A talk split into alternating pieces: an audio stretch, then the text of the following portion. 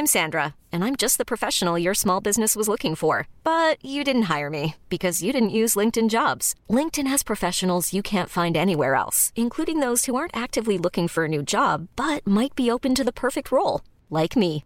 In a given month, over 70% of LinkedIn users don't visit other leading job sites. So if you're not looking on LinkedIn, you'll miss out on great candidates like Sandra. Start hiring professionals like a professional. Post your free job on linkedin.com/achieve today.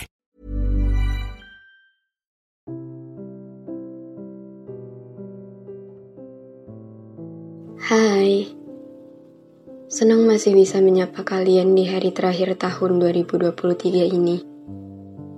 Senang karena kita masih sama-sama ada di ruang cerita ini. Dan terima kasih teman-teman.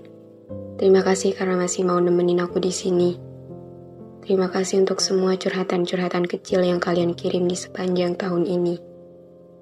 Terima kasih udah ngasih kepercayaan Rini Lara untuk mewakilkan sekian perasaan yang gak cukup mampu untuk kalian ungkapkan. Terima kasih banyak untuk itu. Terima kasih yang gak akan pernah ada habisnya. Semoga ruang cerita ini bisa terus ada sampai di tahun-tahun selanjutnya. Ngomong-ngomong, waktu berjalan cepat banget ya. Tiba-tiba tahun ini udah selesai aja. Padahal rasanya kayak baru kemarin aku record podcast episode buat menyambut tahun 2023. Eh, sekarang malah udah sampai di episode untuk say goodbye ke tahun 2023. Makin ke sini, waktu kayak makin buru-buru ya. Kita jadi makin dibuat merasakan dan mengalami segala hal dalam kurun waktu yang sangat cepat. Yang terasa singkat entah itu kebahagiaan, perubahan, kesedihan, pencapaian, kehilangan, semuanya. Semuanya semakin berlalu begitu cepat. Tapi pada akhirnya, satu pelajaran yang bisa kita ambil adalah bahwa dari perjalanan waktu yang semakin cepat itu, baiknya kita juga harus lebih bisa menghargai setiap detik yang ada menghargai baik buruknya hari yang kita lewati, menghargai datang dan perginya segala hal yang kita temui, menghargai bahagia dan sedih yang kita alami. Sebatas itu. Tahun 2023. So guys, what do you think about this year? Gimana dunia memperlakukan kalian sepanjang tahun ini berjalan? Apa kesan kalian untuk tahun ini? Aku akan ikut senang kalau tahun ini udah ngasih kalian banyak berkah dan kebahagiaan. Mengenai itu, semoga bahagianya bisa terus bertahan lama ya. Tapi aku juga akan jauh lebih menghargai dan juga mengerti kalau untuk sebagian dari kalian, tahun ini banyak lukanya dan gak berjalan cukup baik. Bahkan mungkin jauh dari kata baik ya. That's okay. Gak apa-apa. Udah berhasil dilewatin kok. Cepat atau lambatnya waktu yang kita jalanin, pada akhirnya 365 hari di tahun ini udah selesai. Mungkin kelihatannya emang gak kerasa ya. Tiba-tiba udah pergantian tahun. Tiba-tiba tahun ini udah selesai aja. Tapi sebenarnya kalau diperhatiin lagi, kalau diinget-inget lagi, ternyata tahun ini dramatis banget. Ternyata di tahun ini lukanya banyak banget. Sakitnya gila-gilaan. Kacaunya bukan main. Tahun ini berat banget.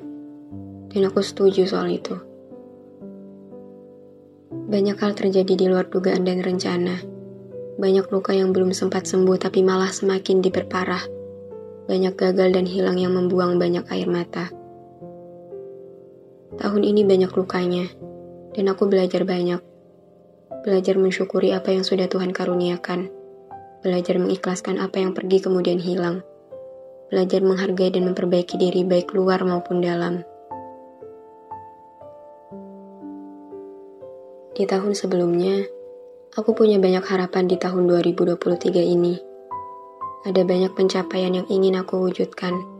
Ada banyak kebahagiaan yang ingin aku dapatkan. ada banyak luka yang ingin aku sembuhkan. Banyak.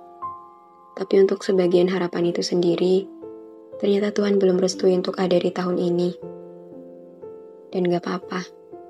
Barangkali tahun depan atau tahun-tahun selanjutnya adalah waktu yang lebih tepat. 2023 Aku cukup sering dibuat jatuh bangun selama tahun ini berjalan.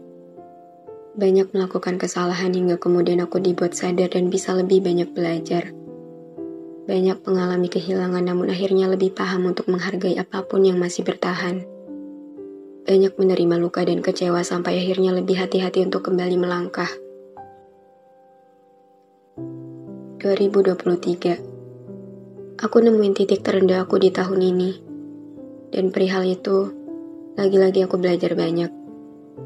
Sakitnya masih ada, lukanya masih gak sepenuhnya sembuh, kecewanya masih gak benar-benar hilang. Tapi Tuhan, terima kasih karena paling enggak, aku masih dikasih kesempatan untuk selamat sampai di penghujung tahun ini. Terima kasih. Tahun 2023 berlalu dengan cepat bersama sekian suka dan duka yang ada di dalamnya. Bertemakan banyak pilu pada beberapa bagiannya, namun juga masih menyisakan tempat untuk menghadirkan kebahagiaan yang bermakna.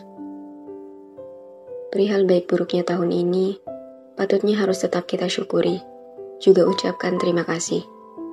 Termasuk terima kasih untuk diri kita sendiri. Terima kasih karena di antara kerasnya dunia menjatuh bangunkan kita pada setiap perjalanan, kita masih memilih untuk bertahan, hingga akhirnya bisa sampai pada hari penutupan ini.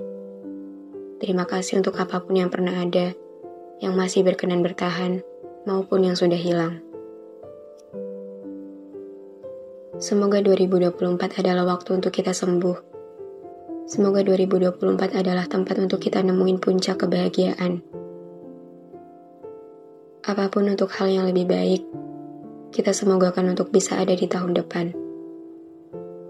Sama kayak di episode penutupan tahun lalu, doaku untuk kita semua intinya masih itu Semoga kita semua bisa kuat sampai tamat.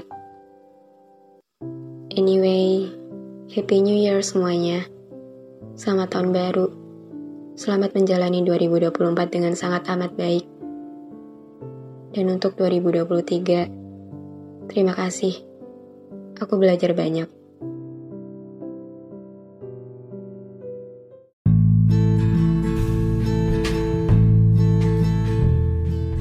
Terima kasih banyak udah dengerin episode ini. Terima kasih udah mampir ke ruang cerita yang gak sempurna ini. Semoga kalian senang ya datang ke sini. Anyway, jangan lupa follow podcast Rina Ilara ya. Sekalian, aktifin lonceng notifikasinya juga. Biar nanti kalau aku mau cerita lagi, kalian bisa cepet-cepet dengerin. Biar kalian gak ketinggalan sama episode-episode baru di ruang cerita ini. Udah segitu dulu aja. See you on the next episode. Bye.